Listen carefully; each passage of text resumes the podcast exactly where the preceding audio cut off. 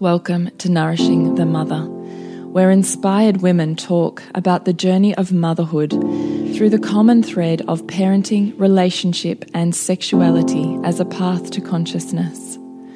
We ask, in what ways can we show up more fully, live more meaningfully, parent more wholly, and love more unconditionally?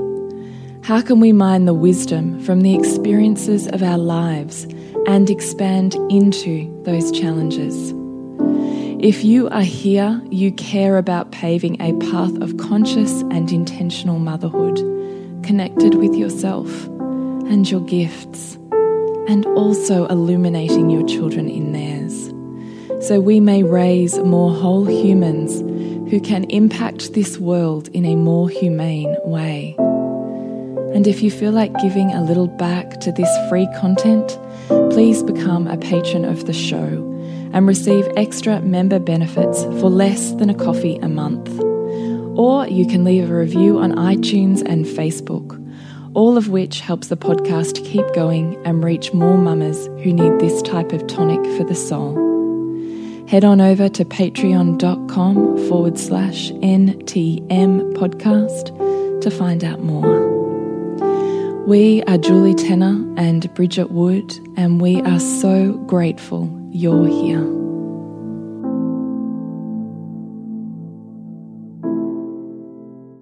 Hello, and welcome to Nourishing the Mother. I'm Bridget Wood. And I'm Julie Tenner. And today's podcast is What is Truth Actually? And it comes from a listener's question, and we love listener questions. So please feel free to contact us by email or socials or whatever feels good if you have a question you would just love for us to riff on or answer, and we would be absolutely tickled pink to do so. So before we jump into today's delicious Q&A on what is truth actually, I'd love to remind you to jump onto nourishingthemother.com.au, scroll on down to the red banner and sign up to join our community. You drop in your email address once every so often we send you an email with everything that's happening in the world so you can pick and choose where you'd love to dive deeper and we promise we will not spam you. So nourishingthemother.com.au. So this question or this email comes from a beautiful long time listener of the podcast and member of our community, Anastasia. And so thank you, Anastasia, for asking this. And we're delighted to dive into this in the podcast. So I'm going to just read out the email and then we're going to go from there.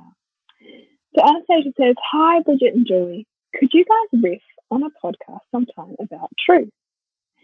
Truth is something we are taught by society and our parents to value and we are supposed to find and speak our truth. And we are supposed to nourish and guide our children to grow so that they can have their truth be heard by the world. I don't know if it's the pandemic or my recent miscarriage that has caused me to question the whole concept of truth. And then I just heard a world renowned speaker, Abraham Hicks, speak about how truth is irrelevant. She made such a great point how truth is only a matter of focus. She said, the definition of truth in the vibrational universe you live in is that anything that is focused upon becomes more. And the more that it becomes, the more people gather around and herald it as truth.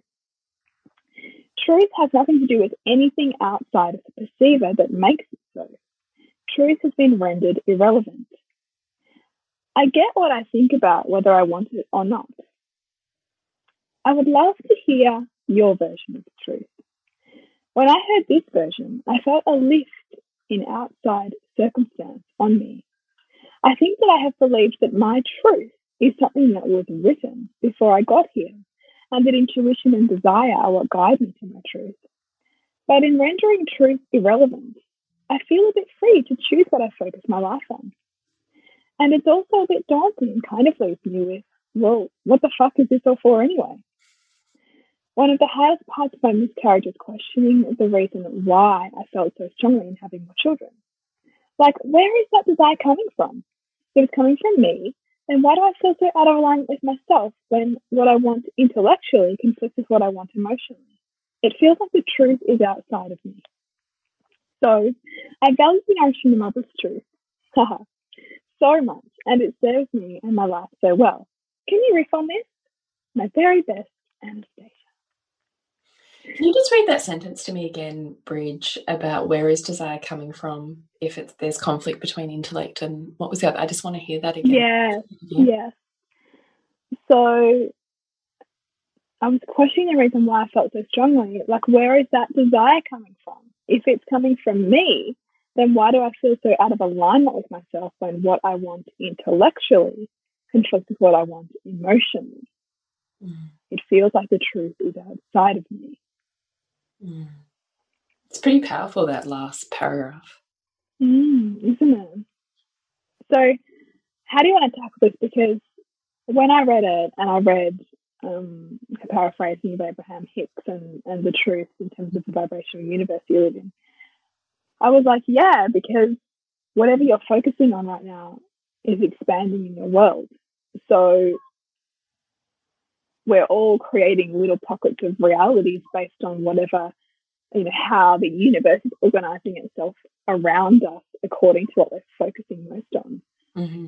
And I mean, one of the most simplistic ways to, to do this is the example of like you buy a new car and you never notice that car on the road and now everybody else is driving it. Like it's really basic example, but it illustrates the fact that those cars were always there, but you didn't have a value on seeing them. So you didn't notice them, they were not in your awareness. But now, because you've shifted your focus and your value to see that thing, that is now what you're now able to perceive. Remembering that we can only perceive like less than 1% of all of the input in our environment. So we, of course, wisely filter according to what is most meaningful. Mm. So I think that that paraphrasing from of Abraham Hicks on what truth is is quite accurate. Mm. And also the truth, I mean, who says what the truth is? Well, this is going to end up very, very. I know where this is going to go. Down a tunnel. Down a tunnel, Julie. I can see us weaving in history. I can see us weaving in religion. I can see us weaving in the esoteric. And we're going to crumble out of, you know, we may lose uh, the, the, the, very foundations on which we build our life yeah, yeah, it's true. No, I love those conversations though. I love having ex existential conversations because I think we always need to be stretched actually to find our truth. Yeah. And that can be deeply uncomfortable. Right, but I don't actually know that there is, ever is a truth. Right? Yeah. Like because you're continuously seeking for the truth. Mm, mm, you really are. I know. It's it's it's a bit of a mindfuck, the whole thing actually. It is. So I mean I love this so much that I want to talk about here and just kind of riff with you, Bridge. Um, because I do actually find it a really fascinating topic. Like, what is truth? We want our kids to tell the truth. We feel mm. deceived when someone doesn't tell us the truth but what is the truth? Mm. So I love this because I mean, you and I would talk about it again, just making it super simple in terms of the truth of a three year old is completely different to the truth of that moment for you as the parent. Yeah. Right. Yeah. But that mm-hmm. doesn't mm. render their truth any less true. Mm. Yeah, like because, because for their lens on their world right now, that is a that is the most accurate truth there could be. Right. Right. And I come across this a lot with couples, and particularly when the masculine partners like, I can't fucking deal with you, right? You said you wanted this thing and now you don't. You hate that thing and you want this thing and you're changing every five seconds and I can't land with you. Like you're clearly lying or deceiving or, you know, whatever language you want to put on that because you're not static. You're not staying mm. the same. And I think that's a very masculine and patriarchal version of seeing truth is that truth is one thing mm. and that it's solid and acts as a and unchanging. Right. Unchanging, um, stoic, completely predictable set of rules. Because mm. that is a beautiful patriarchal of which our culture and society is absolutely part of perception on how we can maintain a level of control when really we're in a ball spinning through space. mm. right? Yeah. like exactly. control is a complete illusion. So we construct all of these ways in which to make ourselves feel safe. Mm. Rules and truth are part of that construction in order for us to feel like we can handle and we can roll and we can deal. What I will always say to these beautiful masculine creatures, no different to the you and I would say to these beautiful parents who are dealing with rageful toddlers or babies or whatever the mm. case may be, mm. is that is their truth. When you're in the feminine, mm. the truth is a continuous evolution because that is creation, that is the feminine, that is the entire construct of this world and soul growth. That's what you're here for, right? Growth and evolution, which means truth will continuously evolve. But mm. that does not mean that the truth you held five minutes earlier wasn't the absolute truth of that moment. So, and, and also the only truth that you could see in that moment because it was perfect for you then. Yes. Right. Mm. Yeah. So I kind of love Anastasia's last part where she's like, where does this desire come from? Mm. If there's a conflict between my intellect and my emotionality, mm. the existential crisis of masculine and feminine. you can't marry the two. like you're never going to, right? So, where does desire come from? And how do you know? How do you find truth? How do you speak truth? How do you teach your children to find their voice and truth in the world? I think we forget that our mind is limited and conditioned by the world in which we are part of as a society. And on top of that, the construction of our ego, which continuously will seek to keep us safe and be self fulfilling in many ways. Whereas the heart, if we're able to really drop into the space of um, heart opened flow, of creative force, of being so in the present moment, you've lost track of everything else and time feels like it flies. That opened heart space, we forget that the heart has 30% more of an energetic field and mm -hmm. electrical current than the brain does. And yet mm -hmm. we're taught that the brain holds more power than mm-hmm. the gut or the heart. And I don't see that as truth. I see that as a very patriarchal conditioning, which keeps us conforming to a lot of truths and rules set outside of us. Mm. So, where does desire come from? I think that it comes from a mix of soul's guidance, which will always speak to you through emotion and through the center of your heart. Does that mean we continuously just do what we feel like and what our um, body is telling us to do? No, because this is where the divine union comes in. So you have to know what is an absolute truth that's whispering through your heart when you're in that flow state and you're opened and you're like, I know, uh, like there's a knowing that comes from that heart space. That's where I think desire comes from. And you need the mind that checkpoints it and goes, okay, so how, if this is a real desire, how are we going to make this work? I think the actual conflict comes when we're conditioned to trust the mind more than the heart, but the heart is speaking and yearning. And so we create this inner, um, I, I guess conflict. I was trying to find another word for it. This head heart battleground mm. rather than actually what's it's designed to be is the divine union of this beautiful mind capacity to create and bring focus to amplify feeling which is what abraham hicks is talking about which becomes the law of manifestation mm.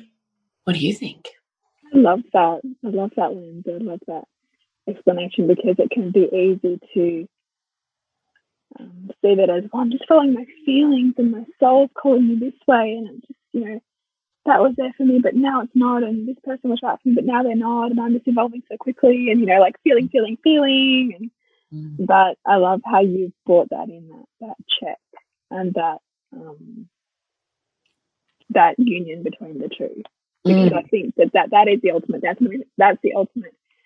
If if we another lens to look at it too, is the is the dance between the low and high minds too, and the, the biggest tension of being human is how you tussle between those, mm-hmm. how you honor the pleasure that we desire from our bodies and from feeling and from just the deliciousness that life offers. And the desire for instant gratification too often. And the and the and the parts of us that that that seek to find challenges that are meaningful and integrate things that feel difficult as on the way for us, not something that we have to go around or make wrong for ourselves because they don't feel good. Mm. So that tussle, I think, is also interesting to look at alongside the masculine feminine dynamic. Mm. And and in the case of the body desire or even the desire for more children, you know, what is what is a true heart's yearning and what is um, because you know we also know that like in in like lower socioeconomic countries or lower developed countries, it's a strategy to have more and more children. Not because the heart yearns, but because that's also the dominant dogma of those countries. And that the lower education level often in those kind of countries, the more children because you're not thinking about what can I create for the world in mm. terms of how I use my mind and my forethought and my visions for what I'm going to create out in the world. I'm thinking about how do I serve my family, and you know, and I serve my family by creating more children to care for, you know, our needs. And for me when I get older you know, that that's kind of the difference in those those levels of thinking. But obviously, we're talking here about um, developed Western countries and Western women and and how we respond to our biological yearning, and then the part of us that kind of goes, ah, but I still don't know if it's for me, and and that's what we need to then marry, right? Is, is what is my authentic truth right here mm. and right now and what is my wanting in service of? Is it in service of this vision that I have for myself and my family and how we are going to contribute to this world and to each other? Or is there a part of me that desires to grow my family because I can see that I know how to do that and I don't know how to do these other things that feel hard, which is another thing that can trap women as well, is this I know that I love this motherhood and this place I find myself and these young children and this life and more please mm. because it's what we know as well. Mm. I totally mm-hmm. agree with that. I, and I love all of that. This is why I love having these conversations with you. The other thing that just like dawned on me when you were speaking then was that, particularly when you're talking about having more children, is that when we're talking about the concept of truth, is how much can you let yourself feel your desire, knowing it might change in the next five minutes? Mm. Like, how much can you sit in the burn of your truth? How much can you let the flames of your truth burn you in this moment without having a strategy or an agenda that's really just a way out of the burn. And I sometimes think that's the conflict is we would rather strategize, know the solution or the reason we're burning because then we can know there's a place for that to go an end or we can start to drop out of the burn because we can start thinking about it and planning about it and strategizing about it so we don't need to feel the burn so much mm -hmm. Whereas what I think truth is really, if we're talking about it in the concept of the feminine, is whatever is fully felt in this moment and therefore fully surrendered to? How much can you submit to the burn and feel it until it literally inflames your skin? Like, how long can you sit in that for? At some point, it will self resolve, like any of our emotions, they have a completion cycle, right? Mm. What if the purpose is for you to first have the desire and let that burn incinerate you and move so deeply into it without attachment? Without attachment. So I might so deeply, heartbreakingly sob and cry right now about the moment that I want another baby and my body won't let me, or I can't, or can I actually really let myself sink so fully into that yearning and that wanting that I let myself be taken by it? That perhaps even beyond that, I actually let that truth be seen, read, and felt in its fullness by my lover rather than needing to contort it and reduce and remove myself from my heart's truth, mm. which has long term and lasting consequences and is just training you to do that. Mm. How much without there being any meaning? It might not even mean that I really want to have another baby. But in this mm. moment, this is the truth that's coming through me. Can we just be with that?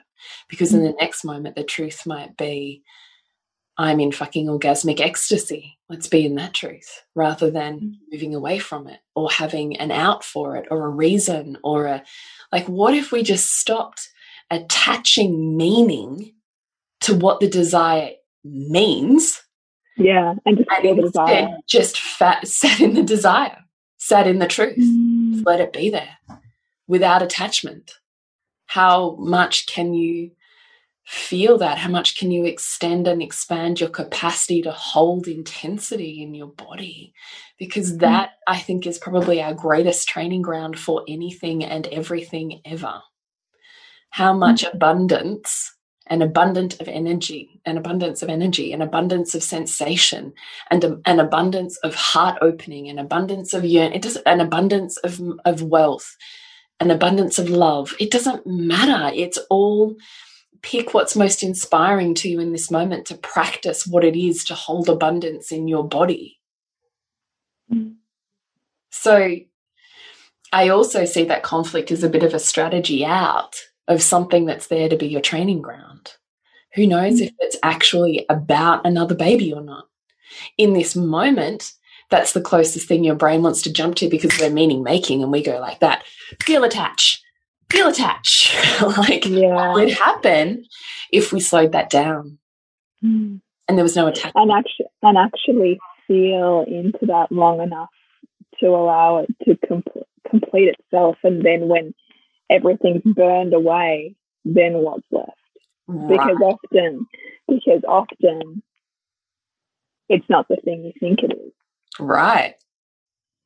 Right. But it's but it's on the pathway to the truth of what it is that you want. It's all training.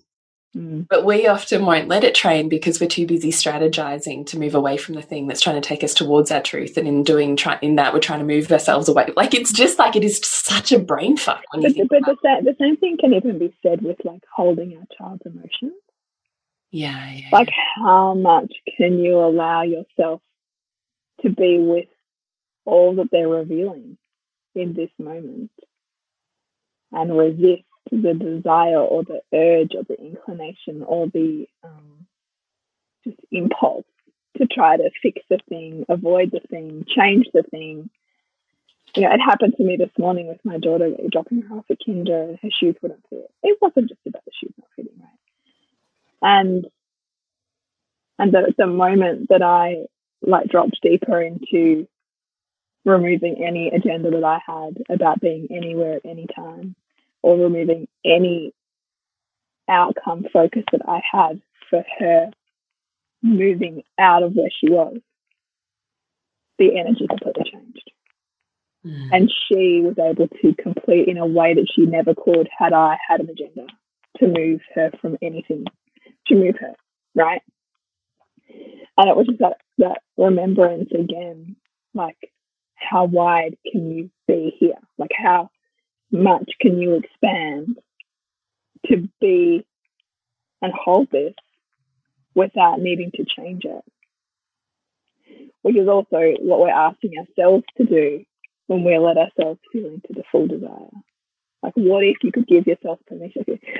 The practice of holding our child is also a practice of holding ourselves. Because so often, what gets in the way of fully meeting our child is our inability to fully meet what's required of seeing in ourselves in order to hold what they bring us or in order to see what they were trying to reveal to us. So I think it's just the most incredible practice of seeing yourself is to pull and move more and more of what's in the way of allowing their expression in the moment. Because your capacity to allow their expression in the moment or their full feeling in a moment is also how much you're willing to be the container for the full burning of your own desire. Right? Mm. Mm. Does that does that make sense? No, it makes sense to me. I'm just really letting myself feel it. so, what is truth? I think when we're talking about truth for our children, that we're talking about what is an absolute truth for you without you needing to contort it for someone or something outside of you. And that doesn't matter mm. if it's a parent or a partner or a school or society. The moment you have to contort that, there's a deviation from what is absolutely true for you. Is that necessarily something that's bad or wrong? I mean, I think that's a totally different moral conversation. But in terms of what is truth, truth will always evolve. I think we've got to stop looking for there's one truth because there isn't. The world was flat and now we know it's round, right? Mm. Yeah. Like, truth is always evolving along with human consciousness. Like, there's nothing ever for us to hold on to because it's like water, it will just slip through our hands anyway. So it's just a practice of being as true as you can to any moment, and that that's truth. Mm. And also recognizing that for whatever truth you hold, the universe is organized in such a way that there has to be somebody who holds a completely opposite truth to you, and that that truth is just as valid as your own. But yet we look to organize the world to reflect our truth and gravitate toward people who we think share a truth that we share. So, for example, I ran a um, a masterclass recently on expanding your family, and one of a couple of the comments were around, you know, just concerned about like whether I can bring a child into this world, like the state of the planet and environmental concerns, and I, and I really share, like I really get like that um, consideration because there was a time in my life where that was a truth to me, like that I felt that, but I no longer feel that as a truth. So I don't see any barrier in the way of a desire to bring another child in the world because I don't see that there's not room for that. Mm. But that is a truth that may be at odds and very vehemently argued by some who have a different view. Mm. Mm. And so, how can you hold those two opposites and still function? Yeah. Well, knowing that probably neither of them are a truth anyway, and at the same yeah. time, total truth. it's so good, like when yeah. you think about it, right? But I think it's also about being able to how much polarity can you like mm. make space for, mm. and not shut down and mm. not close. You know, like this is that as well. And I, but I also think that that there's an artistry that comes in relationship when you can see another person's truth that's at odds with your own and still respect that.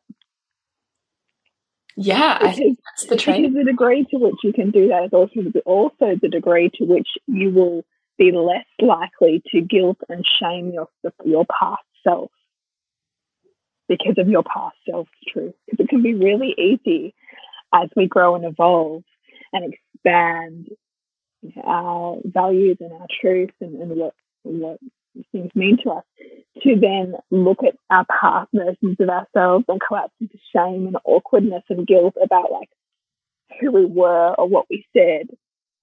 But the degree to which we do that is also how much we can see the wholeness of the world and, and love into differences and love into the diversity of others because just like that incarnation of ourself was perfectly necessary and and meaningful, even if we might want to label it as dysfunctional, we might want to say that we were uneducated or whatever label we might have on ourselves in our past. That was perfectly necessary and needed in the world and in yourself for where you were at in your own evolution. So I think it's a beautiful practice to even notice like when you do that, because a lot now a lot of women can do that, that with like, you know, the rose colored glasses, right? That you look back upon or that you look forward upon or that you kind of think, if only I didn't do that or didn't say that or wasn't that person, you extrapolate out to who you are now and make all these stories. And it's like the practice is how perfect was she then mm. for who she was and where she was showing up in the world. Yeah. I just I love that to hold that as a you know a pondering. Yeah, me too. What do you think about Anastasia's point about we ask our children or we seek for our children to find and speak their truth in the world? Mm. Yeah, it's an interesting one. I, I don't I don't tend to I mean my kids are pretty young. I don't tend to use that kind of language yet with them. Um, I more seek to reflect back to them as accurately as I can who I see them to be so that they get a reflection that their personality is evolving in as close alignment with what their soul's seeking to evolve them to as possible. Mm. If that makes sense. So that it's not too great a distortion between who they're desiring to be and who I want them to be or who the world wants them to be. Mm. So, because the more intact I think any of us can stay in terms of what our evolution is asking us to do and be, then almost like the less we're going to have to say to them, speak your truth and find your truth. And I mean, the desire for our child to speak their truth and find their truth is often really a void that we have. Mm. We're only it's like the it's like the parent who really wants their child to be body confident. They want that because they're not. Mm. So you want the child to speak their truth and live their truth because on some level you don't feel like you are. So and because it's too would, painful to parent and to watch, right? Mm, mm. Because you're watching the piece of you outside of you that you can't ignore, yeah. break or hurt. Mm -hmm. And mm-hmm. that hurt of seeing it outside of you is greater than the hurt that you can reconcile inside of you, although it's the same trait. Mm. Exactly. Mm. Yeah. And so I think when you see it, we see it mostly at significant ages that our children meet those significant ages for us. And so a lot of that is leaning into that part of us, like what's here that I'm wanting them to speak on or embody that I'm still trying to reconcile within myself. Like what happened to me when I was mm. eight? How can I see her? How can I be with that? Because also, the more that we be with that and kind of call that home, what our child then reflects changes because mm. of that entanglement. Mm. Is quite an entanglement. Mm. Is there anything that we've left out of Anastasia's email? Having a look. Um, Anastasia talks about she had believed that her truth was something that was written before she got here and the intuition desire what guide her. But in rendering truth irrelevant, I feel that it's free to choose what I focus my life upon. So I find this, inter- this is interesting to riff on in terms of this idea of like soul contract versus mm. free will, um, human behavior patterns versus your soul. I think actually there's an entanglement of both of those two things. I think mm. I, don't, I don't know how much I subscribe to this idea that you came to learn exact particular exact lessons and that that's what you signed up for. mm. um, versus you came here with a set of wisdom that has matched a set of voids. Like, so your soul has come here with, with a body of knowledge and a, and a, um, a desire to expand upon and, and, deepen that body of knowledge or experience. And then our human form has experienced just the right voids that are going to tap that. But the form of which those voids are experienced and what we focus on in order to build that knowledge, I think we have more wheel around. Mm. In terms of because we can we can change our values or not change our values, but we can build mastery and change our neural pathways, which is then going to change our perceptions, which is then going to, to shift what we bring into our world, which changes our outcomes. So that's that dance that I, I see happening there. Mm. And that and that also we know that all human behavior is patterned and that we either complete our parents or we continue the same patterns. So that meaning that know, an example of this would be um, like my mum was not feeling like her marriage could handle having another baby and that she just there was something that she desired but didn't complete on. And that was a real stretching of my relationship to be able to expand and hold and complete on because I sensed that that it was not even a belief that was mine, but that was a pattern that I was in and that I had to even do the work on through each birth to be able to complete that. And then there's other patterns, like I come from a very strong lineage of wives and mothers, mm-hmm. very strong. And so that pattern I'm continuing because it's, and you know, my soul probably chose to continue, right? Like I mean, we, we don't know that, but but that there's some kind of like order to that. Mm. It's, it's, I mean, it's, it's these esoteric, existential things we can ponder, but that's my thoughts on it. What do you say, Jules? No, I love all of these conversations. I was just trying to sit more. I'm having trouble getting Anastasia's um, that sentence to kind of land in my body, and I'm not sure why that is. Yeah. So she says, um, when I heard this version, I felt a lift in outside circumstance on me. I think that I have believed that my truth is something that was written before I got here and that intuition and desire are what guide me to my truth. But in rendering truth irrelevant, I feel a bit free to choose what I focus my life on. And it also is a bit daunting and kind of leaves me with, well, what the fuck is this all for anyway? See, I get stuck there because it seems like a paradox within that sentence. Because if I consider that truth because it seems to me, and tell me if I'm reading this wrong, that what she's alluding to is that truth was written before she was born. The truth existed outside of her, or largely is what the masses focus on, right? And then dictate as truth. So when those two pressures externally are removed, she feels a sense of freedom. But at the same time, questioning, but I thought that I was always led by my soul and my desires. Whereas now, if none of that is true, where does that leave me? Is that what she's saying? Mm. I think that's what she's saying. She's kind of like, well, what's it for anyway if I can choose? I think that's what she's alluding to. That, that if truth is merely a construct, yeah, then then what am I being led? Yeah. But where am I being led?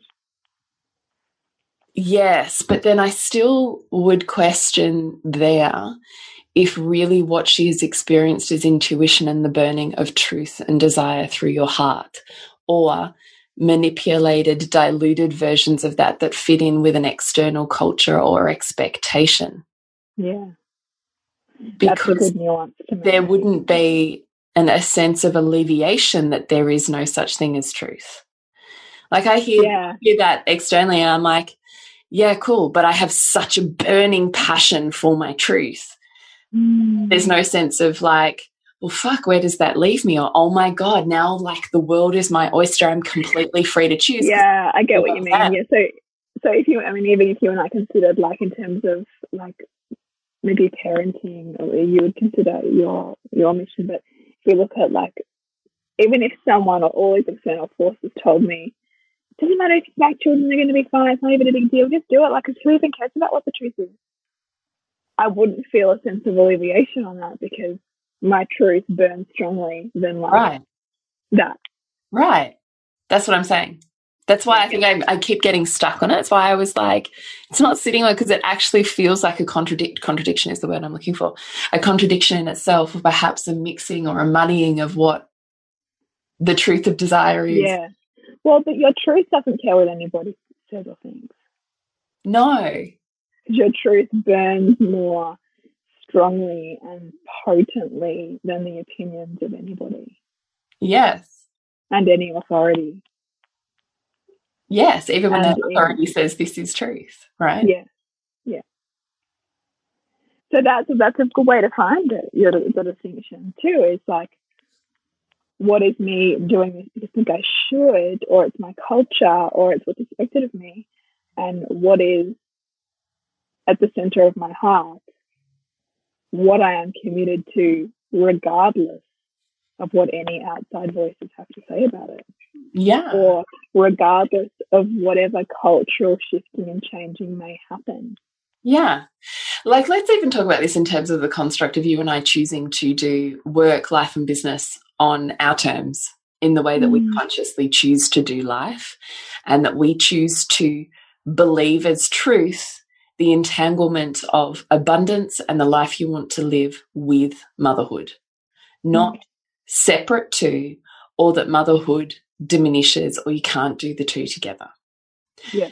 There is an enormous amount of external pressure that says that holds just that narrative. Mm.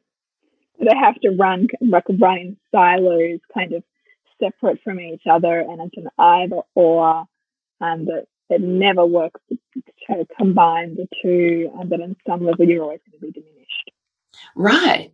And I, I mean, I could have a conversation with 10 women in a day that are like, you know, it's not possible for me. I can't do that. Who am I to? Um, mm. I don't see how that's possible. All of the thousands of reasons they have why it's not true. Mm. And yet I will stand here and go, yeah, I get that's your truth. That's where you're at. That's how you see the world. Mm. But this is my truth because that's the life I'm living. But I had to mm. have my truth before that became my reality that confirms mm. the truth I'd already chosen. Yes. Yeah. You know? And and and that that the outer forces weren't strong enough to diminish that like the you know the internal truth. Well, yeah, and also it's almost like a pilot light that's always burning for that truth so that your life has to organize in such a way to honor that. Whereas if it was like a weaker pilot light, it could have been diminished or put out by the louder or if we, yeah, but if yeah, which is exactly the Abraham Hicks statement, right? Mm. One person mm. says this is truth, and everyone focuses on that truth and then it becomes the truth and therefore the lived experience which confirms the original truth and on and on we go in a cycle mm. you still pick your truth i choose to believe this like even you talking about soul contracts right you came from a religious background but you choose to believe this so that becomes your truth mm.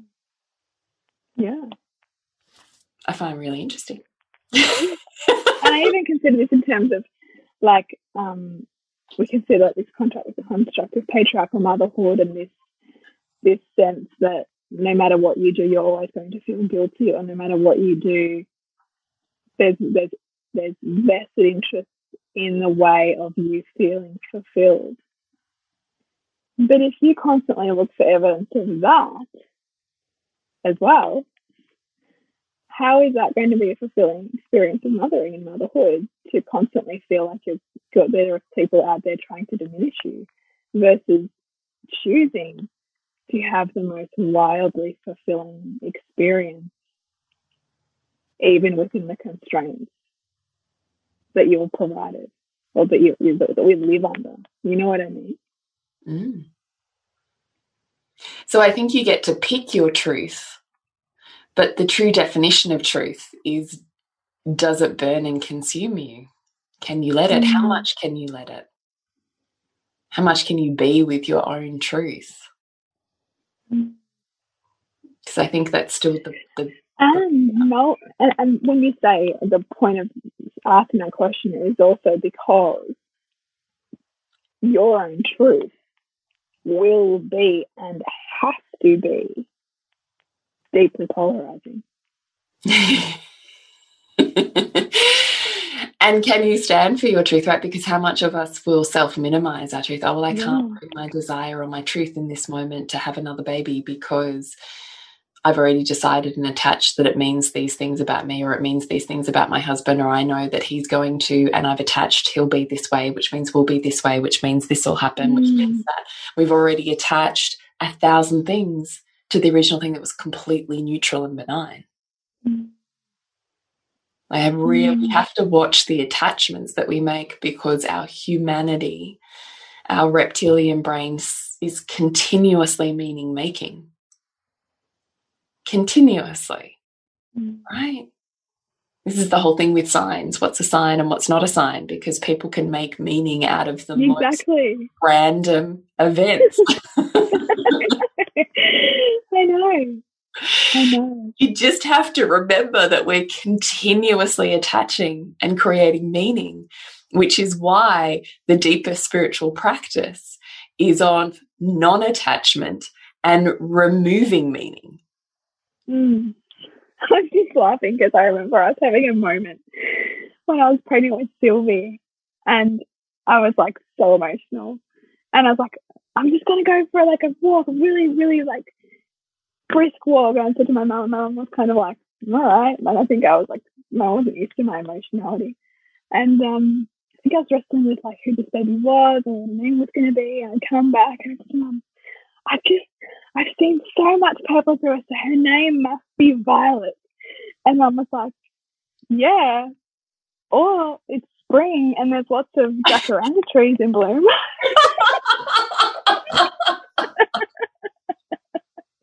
and I was like, That's gold. Okay. I love that story. Isn't it great? Isn't it's it great? so great it's so great. I really love it. Right? it kind of speaks to it, you know. Was it a sign or was the bird just lose its feather right where you, right where you were. Hundred percent, hundred percent. But that's why mm. we've we've just always got to do the self checks. I think the brain is beautiful for that, but not mm. for removing us from what is an innate desire and therefore guidance, because that's what it is. It's a guidance towards and through something without there being an end goal, and that's the feminine, right? That's the destabilizing, mm. chaotic, no end goal. I have to just um, surrender and be in the chaos without knowing its purpose. Mm. And I also think this is interesting too. I was just thinking even about like our children and following their truth and their autonomy and, and, and respecting them. You know, right now, Suzy's at this age where it's like, well, if you won't let me take that, then I'm not going to push kinder. You know, and so if you was really committed to like honoring your child's independence, then you might go, oh, oh okay, all right, well then you won't go then because it's not what you really want today. When in fact, she just needed the containment that said, we're still going to go. And it's okay for you to feel upset that we're not taking that thing. Because she wanted to like throw the baby out with the bathwater because, you know, it wasn't perfect for her. Right. And it's a little bit like you know, our own psychology and our own like need to have things the way we want to have them. Well, is it us following our truth or is it actually just us needing some containment to know, off we go, we're doing this thing, even if some of these parts aren't all kind of on board right now. Yeah. Mm. Totally. And if you really knew truth and whatever you desire could be yours in any way, would you spend more time being conscious about what you desired and if that was really a desire for you or not? Would you mm. a little bit longer? Right? If we were mm. not in lack or scarcity or fear, would you choose more wisely? I think you probably would. Mm. Right? If you like what a gift it is to be able to be in whatever state of abundance, in whatever area of life it is, to say, I choose this rather than, well, I have to put up with this or this is my only choice. Mm. They're two mm-hmm. very different mindsets when it comes to truth. But if you really sat in what the what Abraham Hicks quote is speaking to is really about the law of vibration, right? Mm -hmm. So if you really knew that anything you truly desired was yours already, would you not spend more time? I mean, this is all of the stories of Aladdin, right? And all of the stories across across cultures and history that are about. Oh, I read this great one the other day. What was it about the fisherman? Oh, I just had a flashback. I'll have to find it. Across cultures, there's stories about this, right? That the, you choose your wishes wisely mm. for this very reason. Choice. Mm. Some choices are made out of responsive states of lack, and yet the ones that have the greatest potency are those made from places of abundance and heart opened desire to be of service or give something. Yeah and as there is a vibration, a difference between them as well. Mm. So beautiful, Anastasia. We hope that we have riffed in a way that is meaningful for you and perhaps not opened up more doors than than closed them. I don't know. Yeah. So we would love to hear from any of you who are listening how this landed for you, what it ripples out into your world, what truth you find after you've listened to this how you see the world or perhaps how it's mm. changed. And and even ask yourself you know sit with that question you know am i still choosing this truth? Yeah because you get sometimes yeah you get to choose and also there can be a point at which one truth burns away and you realize that's not a truth to me anymore. But you can feel unsafe in letting that go because you've built an identity around it. So sit with the question Am I still choosing this as a truth? Yeah, it's a beautiful mm. question. Mm. So, to connect with you, Bridget, it's suburbansandcastles.com and usually is julietenner.love. And for the month of February, we are collaborating with the Household Advisor within Soul Driven Motherhood for our month of Liberate, which is all about removing the stuck places in your home with more of a consciousness lens, knowing that the reflective home is reflective of the body home or the mind home. So we want to look at what are the stuck places in your home? How are they reflective of where you're at? And how can we and Tara, as the household advisor, facilitate you through actually being able to physically and metaphysically manifest the year that you desire? Mm. So come and join us in Soul Driven Motherhood. It's just $39 for an entire month, and we are continuously doing cool stuff in there. With we really are. Right I'm super excited for this year. Yeah. Just quietly. So mm. nourish whoa. Nourishingthemother.com.au, Nourishing the Mother on Facebook and Instagram. You'll be able to find out about Liberate in Soul Driven Motherhood this month. And we would love to have you join and come and liberate yourself from the stuck places of your home and psyche. mm. I was nice and interrupt the family. I was nearly jumping in there. I was like, it is you, isn't it? I was thinking in my head, is this my bit? uh, no, you know what I was gonna you know what I was thinking in my head, just for the listeners' benefit. I was thinking I need to talk to you, Julie, after we start recording. So can you like just like don't close the Zoom window, like keep it on. So as my message for Julie, now we can wrap up the podcast, which was what you're waiting for me to do. which is remember to nourish the woman to rock the family. And we'll see you next week when we continue to peel back the layers on your mothering journey. And if you want to support Nourishing the Mother and all the late nights, the early mornings, the blood, sweat, and tears we pour into our art, then please go to patreon.com forward slash NTM podcast and become our patron. As a patron, you're helping all of the cost of operating this podcast, the hosting, the editing, the transcription, helping all of that be completely covered, and joining a community who are all about honouring our journeys and continuing to open. The more support we have, the longer we can last. So become a patron. We'd love to have you. Go to patreon.com forward slash NTM podcast. We literally couldn't do this without you. Thank you so much for listening, and please share this podcast with anyone you think it would be medicine for.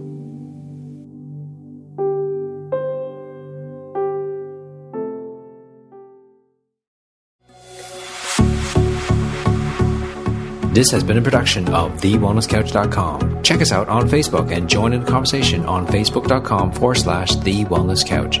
Subscribe to each show on iTunes and check us out on Twitter. The Wellness Couch, streaming wellness into your lives. Whilst the Wellness Couch presenter endeavor to provide accurate and helpful information to their listeners, these podcasts cannot take into account individual circumstances and are not intended to be a substitute for health and medical advice from a qualified health professional. You should always seek the advice of a qualified health professional before acting on any of the information provided by any of the Wellness Couch podcasts.